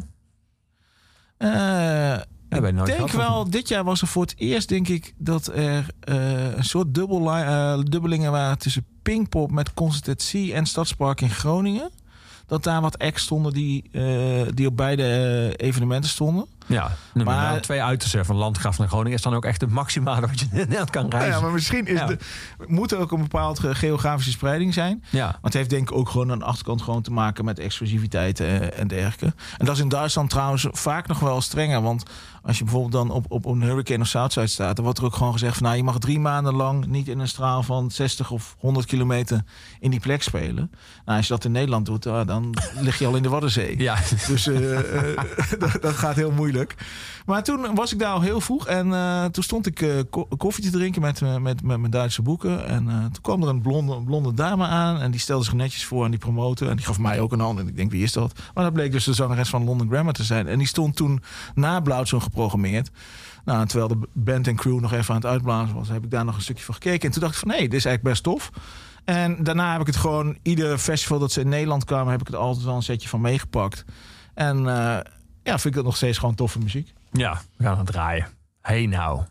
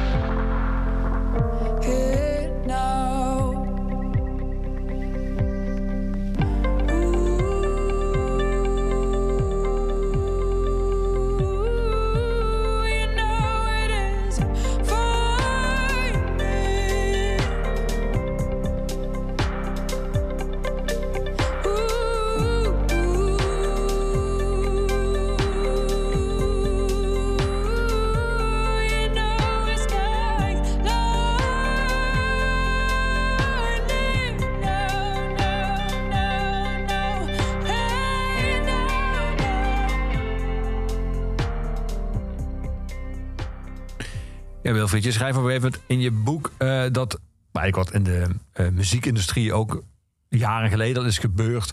ehm, in het wielrennen ook enorm is toegenomen. De zakelijkheid, eh, de opkomst van allerlei hospitality, de, de, de- de sponsors. Je hebt het over een komen en gaan van ploegen en sponsoren. Ehm, die romantiek waar we het toen straks over hadden, die, die verhalen van Mart Smeets en zo hoorden, en die verhalen van je, misschien ook wel van, jou, van jouw leraar op school. Is die daardoor verloren gegaan?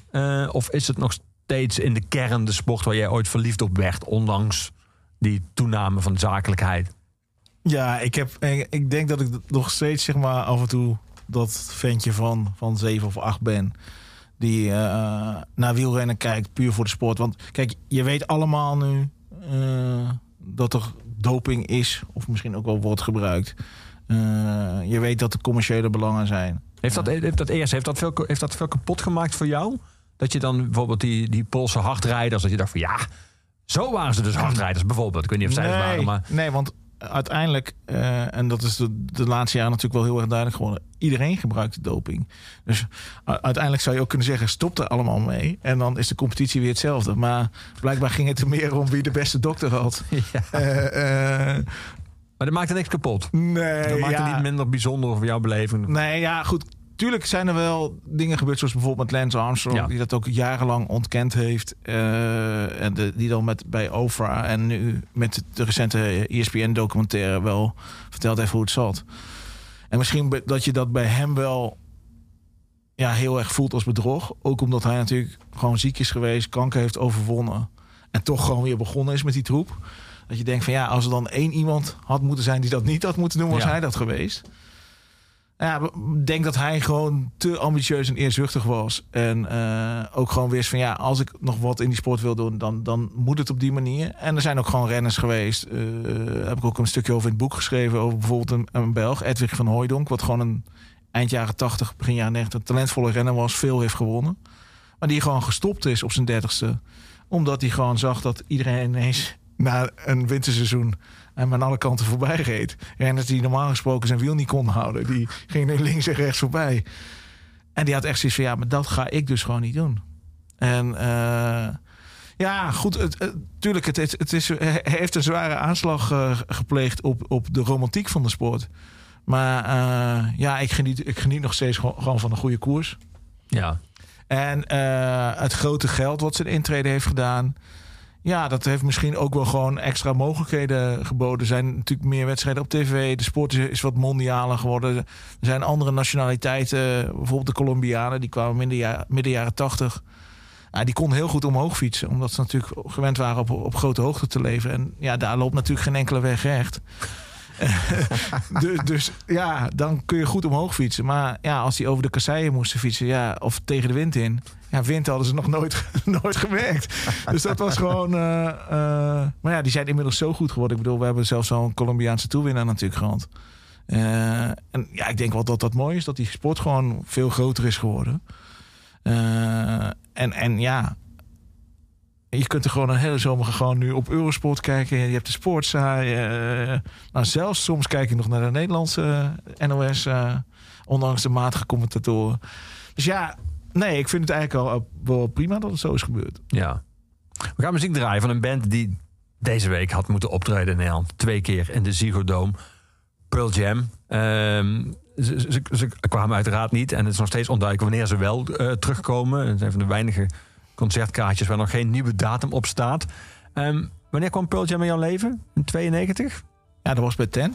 Ja. En eh, dit nummer heeft wel een speciale betekenis voor mij. Eh goede vriend van mij. eh enorme Pearl Jam fan. Is in 94 overleden. En dit werd gedraaid op zijn uitvaart. En er zit een regeltje in. eh I wake up in the night for you to speak to me. Ja. En dat, ja, dat herinnert me voor altijd aan hem. Dus. ja. Kun je het horen live? Of is dat te, te heavy? Nee, Als nee, ik kan spelen? horen. Ik, Soms, ik kan horen. soms ja. beginnen ze er zelfs mee. Ja, nee, ik kan dat horen. Ja. Release. Het slotnummer van Ten.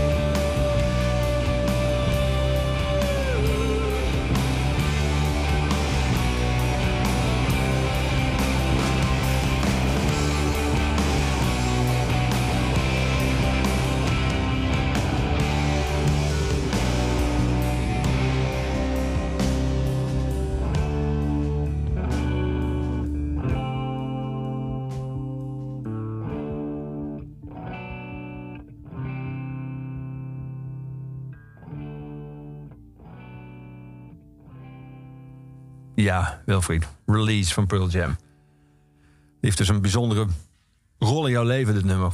Het, dat gaat ook nooit meer weg dan, hè? Dit nummer blijft waarschijnlijk altijd voor altijd een nummer van die begrafenis. Ja, die dat, ja, maar dat heb je denk ik bij heel veel liedjes, zeg maar, die eh, een wat diepere betekenis hebben. Dat heeft een connectie met een moment of, of een plek. Of...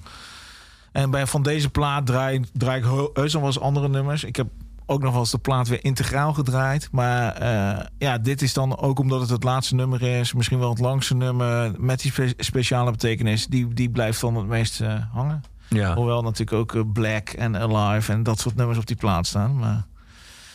Ben jij trouw aan je artiesten? Als jij van iemand fan bent, ben je dan over het algemeen, blijf je daar een soort van, blijf je die volgen? Of haak je op een gegeven moment wel weer af? Nou ja, ik ben van, van de Black Rose al, al mijn leven lang fan. En eh, ik zag dit weekend, was ik ook weer eens wat kleding aan het opruimen. En dan is er toch wel een behoorlijke stapel Black Rose shirts in de, die nog in de kast liggen. Waarvan ik de meeste niet eens meer pas of waar gaten in zitten. maar die gooi je dan ook eigenlijk weer niet weg. Omdat, ja, soms is het artwork, soms is het de herinnering. Maar, eh, Maar hebben de Black Crowes dan voor jou nooit een matige of slechte plaat gemaakt? Of, of hebben ze die eigenlijk wel, maar dat wil je dat gewoon niet zien? Of, eh, of, of vind je die dan ook tof, omdat het de Black Crowes zijn? En dat Nee, maar natuurlijk, ik bedoel, eh, als je als artiest 30 jaar bezig bent, zal er echt wel. zullen er meer slechte dan goede platen misschien tussen zitten. Maar dan staat er toch altijd wel weer één of twee liedjes op een plaat waarvan je zegt van hé, hey, dat maakt het toch weer de moeite waard. Of die doen het live heel goed. Of ja, het, is, het wordt nooit meer zo goed als het begin waarschijnlijk. Eh, ook omdat je die platen niet meer zo intensief luistert. Ik bedoel, ik denk ook dat je de manier waarop je muziek tot je neemt... niet meer zo intensief is als toen je zeg maar puber was. Of ja, een plaat zeg maar wel twintig keer moest draaien... omdat je gewoon geen andere plaat had. Dus dat is denk ik wel anders geworden. En bij andere artiesten ben je misschien wat... ja, wat minder lang of minder trouw fan. En dat komt ook wel gewoon doordat er nu zoveel is. eh, ieder jaar komen er weer zoveel nieuwe dingen op je af. Ja. En misschien ben ik ook wel gauw te oud geworden om nu nog fan van iets nieuws te worden. Daarom gaan we hardstyle draaien nu. Even Daar ben ik zeker te oud de voor. energie in jou... eh, want dat is, ook, dat is ook iets waar jij in zit of hebt gezeten. Ja, Eh, ik zit daar niet meer in. Ik doe heel af en toe nog eens wat eh, eh, op liedjesniveau of op zakelijk niveau. Dat, maar eigenlijk niet meer. Ik eh, ben vijf jaar lang manager geweest van Brandon Hart. Ja, Eh, een van de grotere hardstyle DJ's en producers. En dat kwam eigenlijk bij toeval omdat hij mijn buurman was. En niet omdat ik nou eh, zo heel erg thuis ben in die muziek. Eh, en daar moest men in het begin ook al om lachen. Want ja, het was gewoon... Ik ben altijd gewend geweest om een soort organische muziek met... Waar in ieder geval een gitaar in zat. Nou, dat zit bij Hardstyle er maar zelden in. Eh, maar goed, hij werd mij eh, voorgesteld door mijn uitgever. Toen zei hij van, ja, die jongen woont hier aan de overkant. En toen ben ik een keer meegegaan naar een show. En toen had ik zoiets nou goed, ik wil je best zakelijk helpen. Maar als ik maar niet elke week mee hoef. En eh, nou, dat hebben we vijf jaar lang volgehouden. eh, en denk een goede samenwerking gehad. Eh, hij ging toen verhuizen, ik ging verhuizen. Eh, maar ik merkte ook wel gewoon dat ik in de hardstyle kringen toch wel een dermate outsider was. En ook andere denkbeelden erop nahield.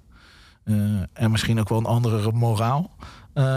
Dat ik daar minder goed in paste. En ja, dan op een gegeven moment verdien je dan veel geld. Maar je wilt ook gewoon vooral dingen doen die je leuk vindt. En waar je energie van krijgt. En Waar Ja. je creativiteit in kwijt kunt. want hij was toen, hij heette eigenlijk eh, Fabian. Hij was bezig toen ook met een documentaire waar jij nog mee bezig bent geweest. Over zijn leven wilde hij laten maken. Ja, werkt heel veel dingen die jij ze op de manier waarop jij ze zeg maar, doet bij artiesten, waar wel mensen één gitaar in zit, werken die dan ook in hardstyle? Of is het echt zo'n andere muziekstijl met andere eh, zeg maar, mores en scene dat heel veel dingen die jij gewend bent te doen ook helemaal niet passen bij die muziekstroming? Nou, ik denk wel dat, dat eh, een aantal dingen, vooral aan de achterkant, kun je wel, wel op dezelfde manier toepassen. Alleen de, de, de scene in hardstyle is denk ik gewoon een stuk jonger. Het bestaat 20, 30 jaar. Publiek is daar heel anders. Vernieuwing, verandering werd moeilijk geaccepteerd. Eh, ik ben bijvoorbeeld ook wel bezig geweest om zeg maar, op, op, op songniveau wat meer muzikaliteit erin te brengen. Nou, daar stond hij heel erg voor open. Hij experimenteerde ook gewoon in songwriting wel met de toetsenist van Within Temptation en een Limburgse rapper van Alice. Eh, en dat lijken hele vreemde combinaties, maar dat werkte heel goed. Eh, nou, ik kon vanuit die popkant zeg maar ook wat meer eh, om, om, om die kant sturen. Alleen op, op, op strategie en zakelijk niveau waren daar de belangen dusdanig dat, eh, dat ik daar moeilijk zeg maar mijn pad in kon vinden. Ehm, en daar werden ook wel gewoon aan de achterkant zakelijke spelletjes gespeeld eh, die, ja, die mij minder lagen, om het maar netjes te zeggen. Ja. Never Break Me gaan we een stukje van draaien. Ehm, is dit een van de nummers die, die het gevolg was van een muzikale ver- vernieuwing? Of is dit nog een Nou, soort van ja, goed, dat- hardstyle? Nou, die maakte wel deel van uit. Want het is zeg maar. Wat ik wel altijd knap vind, is dat ze eh, liedjes schreven die eigenlijk ook gewoon bij wijze van spreken een akoestisch popliedje hadden kunnen worden. Maar wat een hardstyle nummer is geworden door, dat, door de productie die ze eromheen hebben gemaakt. En dit liedje begint ook eigenlijk gewoon op piano. En eh, is bijvoorbeeld gezongen door die Limburgse rapper van Alice, die in 2006 volgens mij op Pinkpop de opener waren. Ja. Eh, en dat is eigenlijk gewoon een popliedje. En pas later komt zeg maar de elektronische productie eromheen. En dan wordt het een hardstyle nummer. Dus ja, het is, het is eigenlijk wel zeg maar meer de, de popkant erin. En daar is hij wel, eh, denk ik, een van de sterkste producers in, eh, in geworden. Ja, we gaan naar luisteren. Never Break Me. You can beat me till I'm bleeding on the floor. You can call me names to bring me down some more. But you will never break me. You will never break me. Why you trying to erase all that I am? Trying to weaken me cause you don't understand. But you will never break me. You will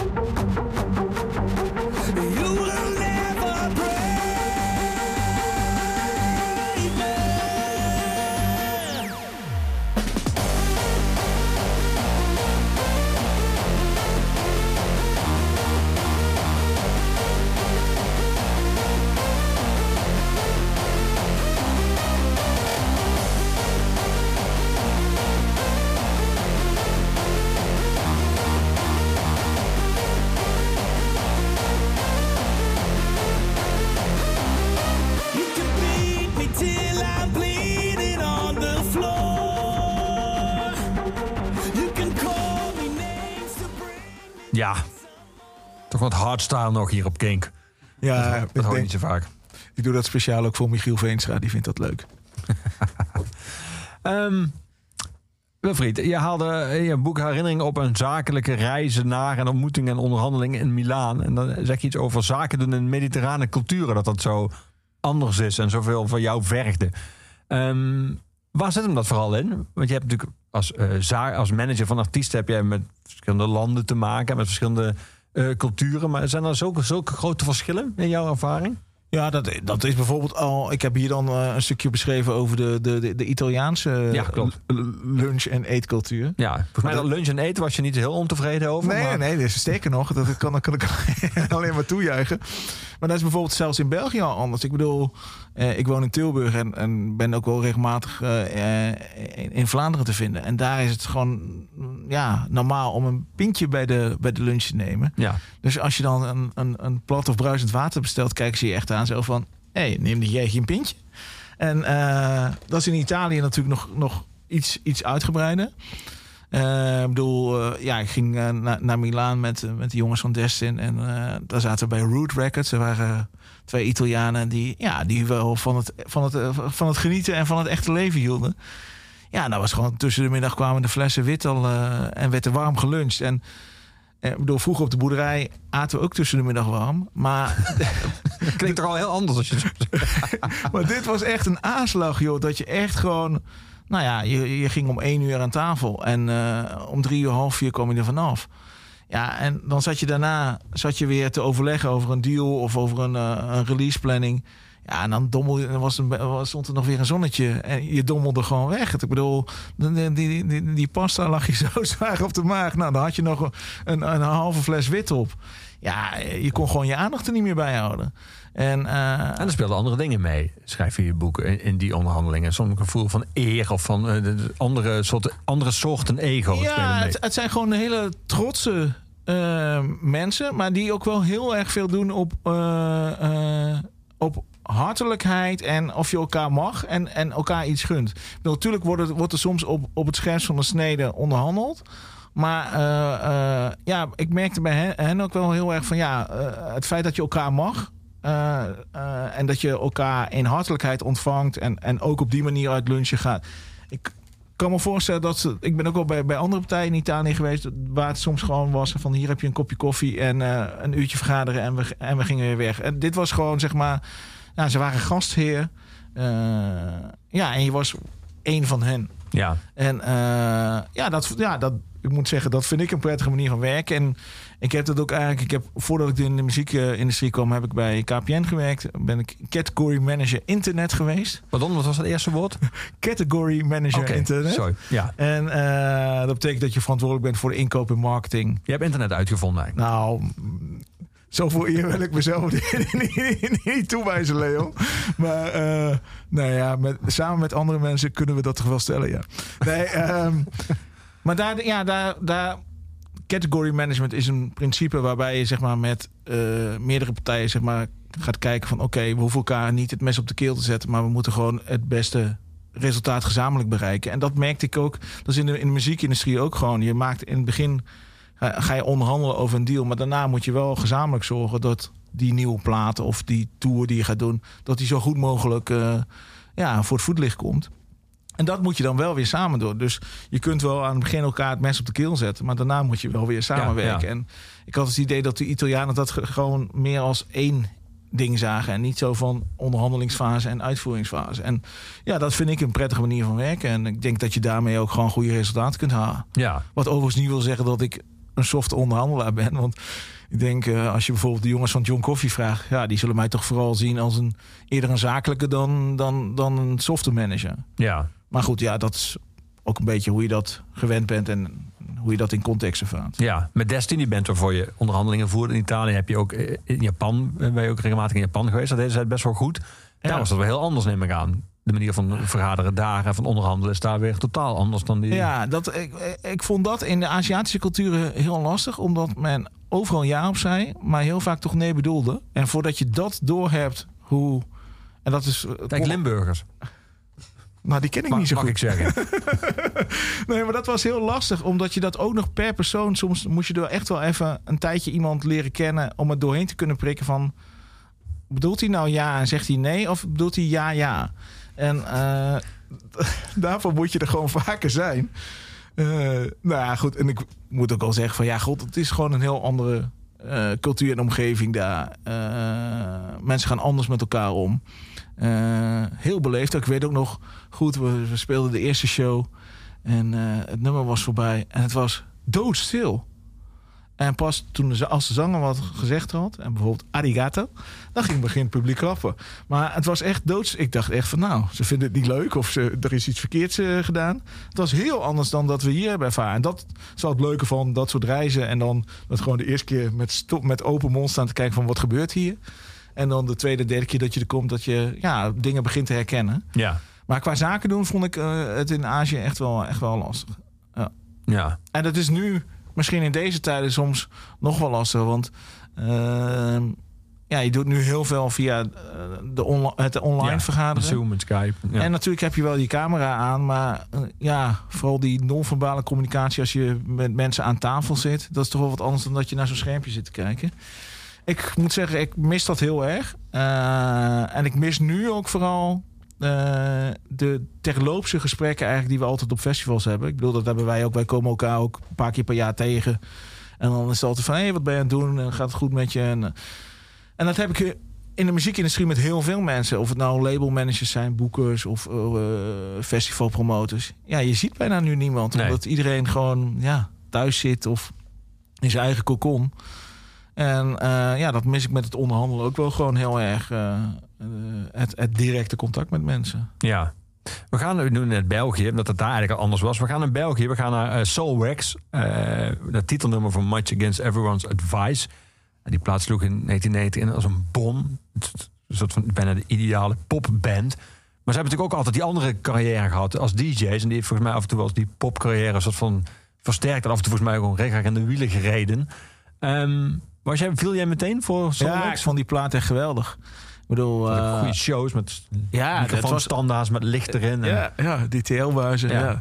Ja. dat was gelijk af. En ik vond, die, ik vond die plaat geweldig. Die songs waren goed. Een beetje met elektronica erin. Eh, ja, ik heb dat gewoon ook vanuit de kleine podia. Zoals, ik heb voor mij voor de eerste keer in Hedon in Zwolle gezien. Eh, en vlak daarna al ging het vrij snel naar, Ja. naar Lowlands en de grotere dingen. Maar ik vond het altijd gewoon interessante figuren. Ook later wat ze met Too Many DJ's Ja. deden. En dan zag je weer zo'n een documentaire op, op de Belgische tv. Dat ze met in hun platenkasten zaten en zo. Ja, het waren gewoon twee interessante figuren. En eh, voor mij part gaan ze straks films maken. Of eh, eh, blijkt dat ze dichter zijn geworden. Of Ja. schilder. Het zijn voor, voor mijn gevoel een soort multi-kunstenaars. Ja, creatives En, in de breedste zin van het woord. Ja. En dat vind ik gewoon leuk. Much Against Everyone's Advice gaan draaien. Titelnummer.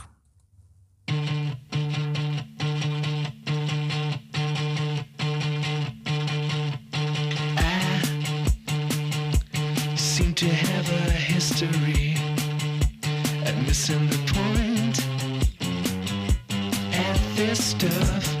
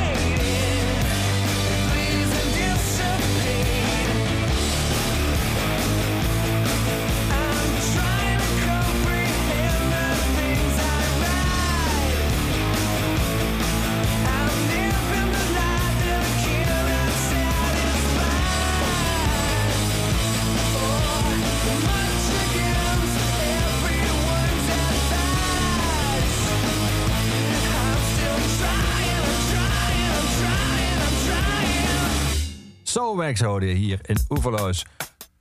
Volgende nummer gaat gewoon door. Ik draai hem even langzaam subtiel weg. Is het je, is het je bevallen, Wilfried? Want dit boek was bedoeld eigenlijk helemaal niet als boek. Dit, was, dit schreef je voor je vrienden. En vervolgens ligt er nu gewoon een, een heel e-book. Eh, is, het, is het bevallen om, om het zo lang uit te werken? Om het zo groot te maken? Om er zo van bezig te zijn uiteindelijk, denk ik? Nou ja, dat viel me eigenlijk dus reuze mee. Want ik had ook zoiets van... Het eerste stuk wat ik geschreven had was 40 bladzijden. En eh, dat vloeide in één keer uit de pen. En toen dat stuurde ik naar mijn vrienden. En die zeiden van... Ja, hier moet je meer mee gaan doen. Eh, sch- beschrijf het hele voorjaar. En toen had ik zoiets van... Ja, maar dan wordt het ineens werk. Eh, en dan heb ik misschien straks wel dagen... dat er niks uit mijn pen komt. Of dat ik een bladzijde heb geschreven... en weer helemaal ga deleten. Maar ja, dat ging eigenlijk heel vlot. Ik bedoel, ik heb vaak 's ochtends een uurtje geschreven... en 's avonds een uurtje geschreven. En ik had gewoon uurtjes dat ik gewoon duizend woorden per uur schreef. En ik heb ook weinig eigenlijk daarna meer gewijzigd. Of eh, ik heb het nog wel door twee mensen na laten lezen... met enige verstand van wielrennen en van de koers. Om eh, te voorkomen dat het nog, nog wel... dat het niet te diep zeg maar, zou gaan... of dat het eh, onsamenhangend zou worden. Maar ik heb eigenlijk ja, vrij vlot geschreven. En ik heb het niet ne- nergens als werk ervaren. Nee. Ik weet niet of ik nu nog weer een, een, een, een- vervolg ga schrijven of eh, een, een, een ander boek. Nou, dat hoeft ook niet. Ik bedoel, het is voor mij gewoon een, eh, een soort van momentopname geweest. Ik vond het leuk om te doen. En eh, misschien komen er nog wel twintig boeken, misschien komt er geen één meer. Nee. En die, die eh, dat is natuurlijk eh, fictief, maar er zitten ook heel veel non-fictief en heel veel autobiografische elementen in. Maar hoe die klassiekers dan zouden zijn verlopen, eh, is fictief. Maar is er geen enkele hoop meer dat, dat, dat dan iets daarvan uiteindelijk gaat uitkomen? Oh nee, maar ik bedoel, ik heb het echt zo beschreven, zeg maar, zoals ik denk dat het in het voorjaar zou zijn Ja. ge- gebeurd. Ja. Kijk, er zijn een aantal klassiekers die in het najaar alsnog worden verreden. Eh, en het zou maar zo kunnen zijn dat er een, een paar winnaars, dat ik die goed heb. Dus dat ik ook eh, de eer eh, toegewezen krijg voor mijn juiste voorspellingen. Ja. Alleen zo, op, op die manier heb ik het niet beschreven. Ik bedoel, eh, ik heb bijvoorbeeld een winnaar beschreven van eh Milaan Sanremo. Ja. Matteo Trentin. Omdat ik dat een mooie renner vind. En omdat ik vorig jaar bij het WK in Engeland een leuk momentje met hem heb gehad. Eh, en daarom heb ik hem laten winnen. Maar of dat nou... Als ik echt alles had geschreven zoals ik denk dat 1, 2, 3 zou worden... dan had ik een ander verhaal geschreven. Ja. Maar ik vond het vooral... Ja, dat is misschien dan toch de romantiek van de sport. Dat je eh, vorig jaar met Trentin... die zou wereldkampioen worden in Engeland. En die verliest het op het laatste moment van een Deen in de sprint. En ik kom hem s'avonds tegen in een restaurant naast het restaurant waar wij hebben gegeten. En eh, nou ja, goed. Hij stak zijn vuist op en ik zwaaide terug. En eh, dit jaar wint hij dan in mijn eh, verhaal een grote klassieke. En lost hij die belofte in die hij vorig jaar eigenlijk had moeten doen. Dan was hij wereldkampioen geweest. Nou, prima, dat is dan een soort van rondverhaal. Dus ja, wie weet dat er nog wat winnaars eh, eh, op de juiste plek terecht gaan komen. Maar ja, dat, het kan ook maar zo zijn dat, dat, dat mijn voorspellingen... Dat, dat mensen gaan zeggen van nou, hij heeft een leuk boek geschreven... maar hij heeft er geen klote verstand van. Ja. Als dan daar in augustus er weer gewoon eh, genoten kan worden door liefhebbers van, eh, van wielrennen, is, dat dan, eh, is het dan een soort van eindgoed, al goed? Of is er dan wel is er iets blijvends ver- veranderd? Nou, ik moet eerlijk zeggen dat ik nog wel steeds twijfel heb. Kijk, ze gaan 1 augustus gaan ze weer koersen. Ja. En komen die renners uit al die werelddelen naar die koers. Maar eh, een Tour de France die dan eind augustus gaat beginnen... met 3000 mensen die elke dag van plek A naar plek B moeten. Ja, ik heb daar best wel een beetje angst voor dat dat, of dat allemaal wel goed zal gaan. Ik bedoel, we hebben natuurlijk recent wel gezien... dat bijvoorbeeld voetbalcompetities in diverse landen zijn hervat. En dat is allemaal vrij goed gegaan. Maar dat zijn allemaal veel kleinere eenheden... Ja. Eh, die telkens van eh, of in het thuisstadion of op een, op een uitplek spelen. Maar dit is een, een, een, een karavaan, een, een club van 3000 mensen die elke dag van plek A naar plek B moet. Ik hoop dat dat goed gaat. Eh, maar ja, iedereen is wel blij eh, dat er weer gefietst gaat worden. Eh, ik denk de renners zelf, maar vooral ook, ook de fans en de supporters. Maar het is blijkbaar, dat was ook een van de redenen dat de Tour zeg maar, als een van de eerste koersen weer werd aangekondigd. Is het ook gewoon brood nodig, omdat alles, al- andere, alle ploegen gaan omvallen. Ja, precies hetzelfde als in de muziekindustrie dus. Ja, en ook in het voetbal. Ik bedoel, Ja. in Nederland is er niet meer gevoetbald. Maar in Duitsland en Engeland moest dat vanwege de tv-rechten. Ja. En eh, dat geldt denk ik voor de Tour net zo goed. Ik bedoel, eh, de Tour eh, wordt in ik weet niet hoeveel landen wel niet uitgezonden.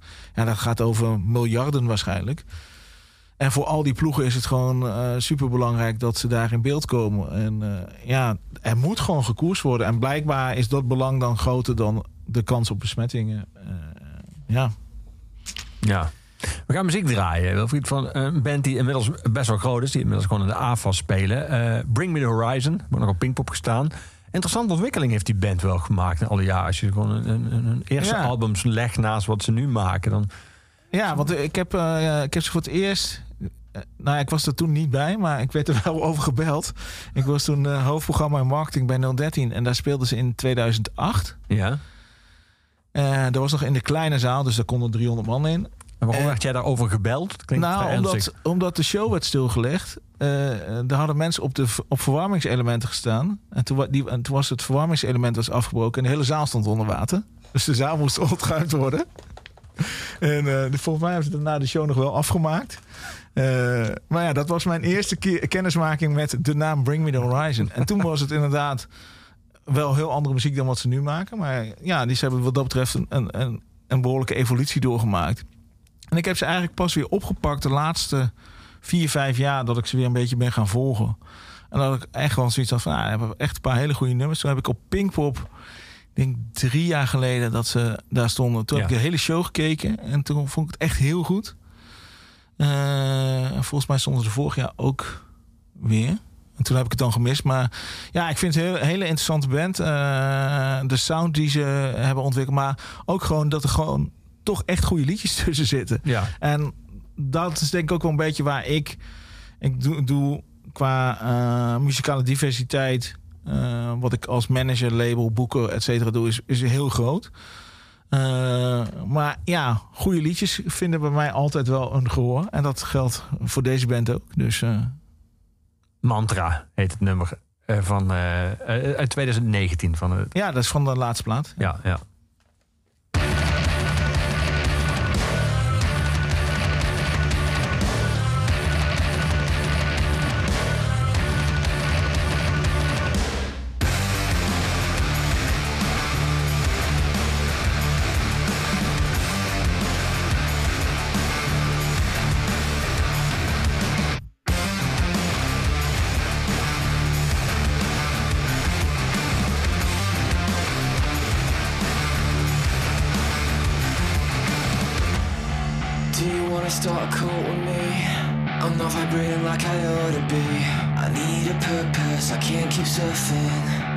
Existential misery.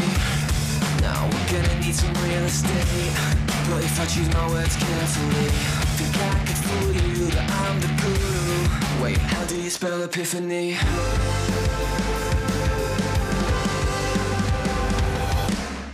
Before the truth will set you free, it'll piss you off before you find a place to be.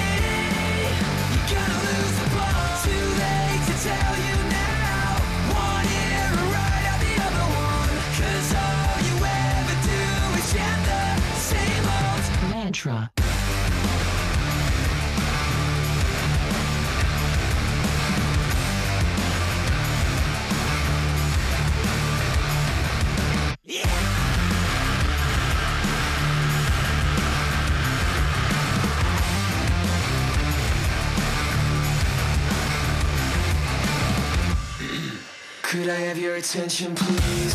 It's time to tap into your tragedy. Think you could use a new abuser? Close your eyes and listen carefully. Imagine you're stood on a beach, water gently lapping at your feet. But now you're sinking. What were you thinking? That's all the time we have this week. Before the truth will set you free, it'll piss you off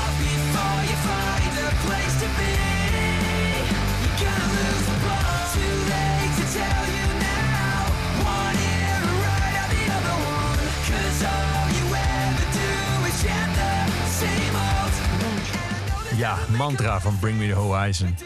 Wilfried, je haalde jouw boek haal jij eh, muzikanten aan, dat er best wel veel zijn die zelf eh, van wielrennen houden en ook aan wielrennen doen. Je hebt die podcast eh, van jo- popjournalist en ook bekend wielrenner uit het verleden, John de Braber en Blauwsen samen, waar jij manager van bent. Je hebt ook die eh, Tour der Ongeschoren Benen, eh, waar heel veel artiesten aan meedoen. eh, zoals Jan-Willem Roy en Guus, Guus veel artiesten schrijven hebben zelf een racefiets, of er zijn in ieder geval liefhebber van wielrennen. En merk je dan dat, dat wat jij in je boek beschrijft, toen jij als kind eh, Kneteman in 78 op de Nürburgring zag en verbaasd was omdat je dacht dat daar vooral alleen maar gereden werd door auto's. En die eerste ervaringen van, van Jo- Joop Zoetemelk in 1980, dat dat, dat het oergevoel is dat wat al die mensen over het algemeen bindt? Of er zijn heel veel mensen op hele andere mo- momenten of om andere redenen ingestapt in die sport? Oh, dat weet ik niet. Ik denk dat dat...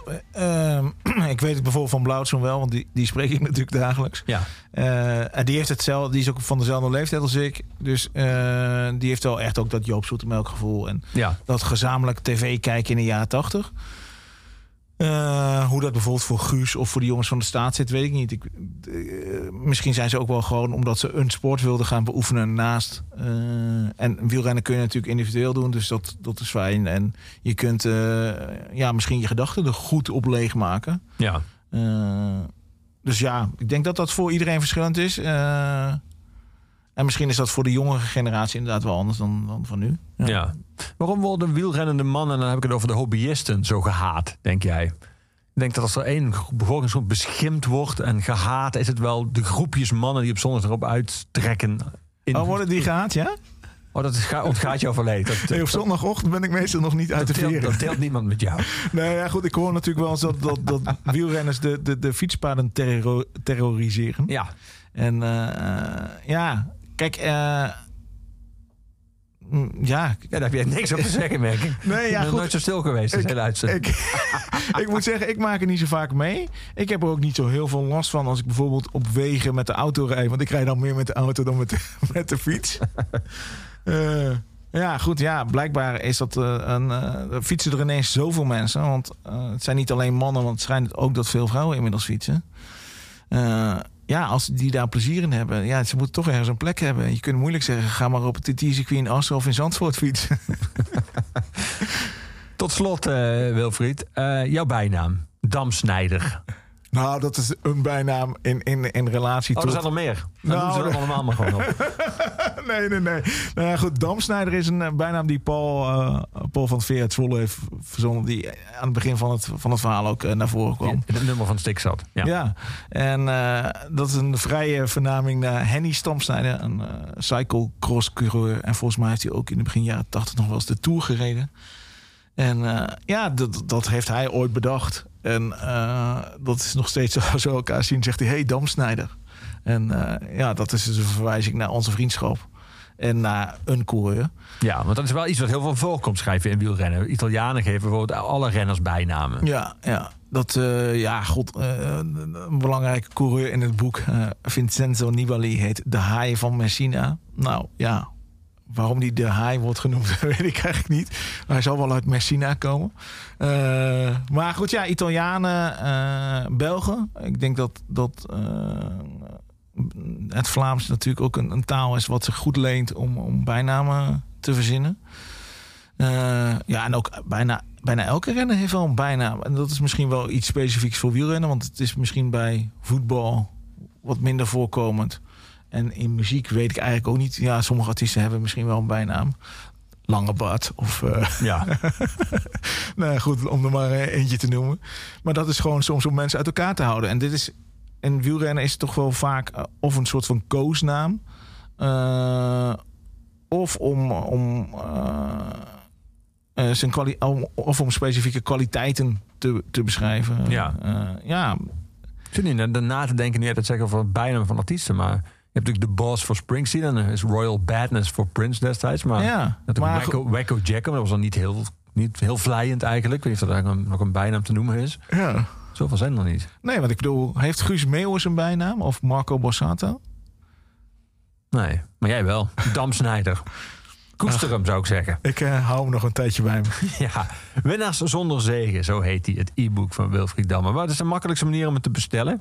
Dat is via de website winnaarszonderzegen.nl. Kijk, die heeft het helemaal mooi vastgelegd, die site, op tijd.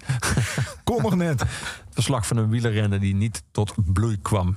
Wieler, wieler, ik krijg hem niet meer strot uit, joh. Wielerlente. Wielerlente die niet tot bloei komt. Maar nu dan in augustus gelukkig alsnog, als nazomer. Ehm, het laatste woord van iedere eh oeverloos is uiteraard aan onze postume huisdichter Luc de Vos, bijgenaamd Voske. Die had dan wel nog een bijnaam in Vlaanderen. Eh, dus daar gaan we mee afsluiten. Oeverloos kun je iedere week luisteren eh, op Kink en op alle Kink-kanalen, de app, de site en natuurlijk via alle streamingplatforms terugluisteren. En het laatste woord is aan Gorky. Hier is Ik reis door de nacht.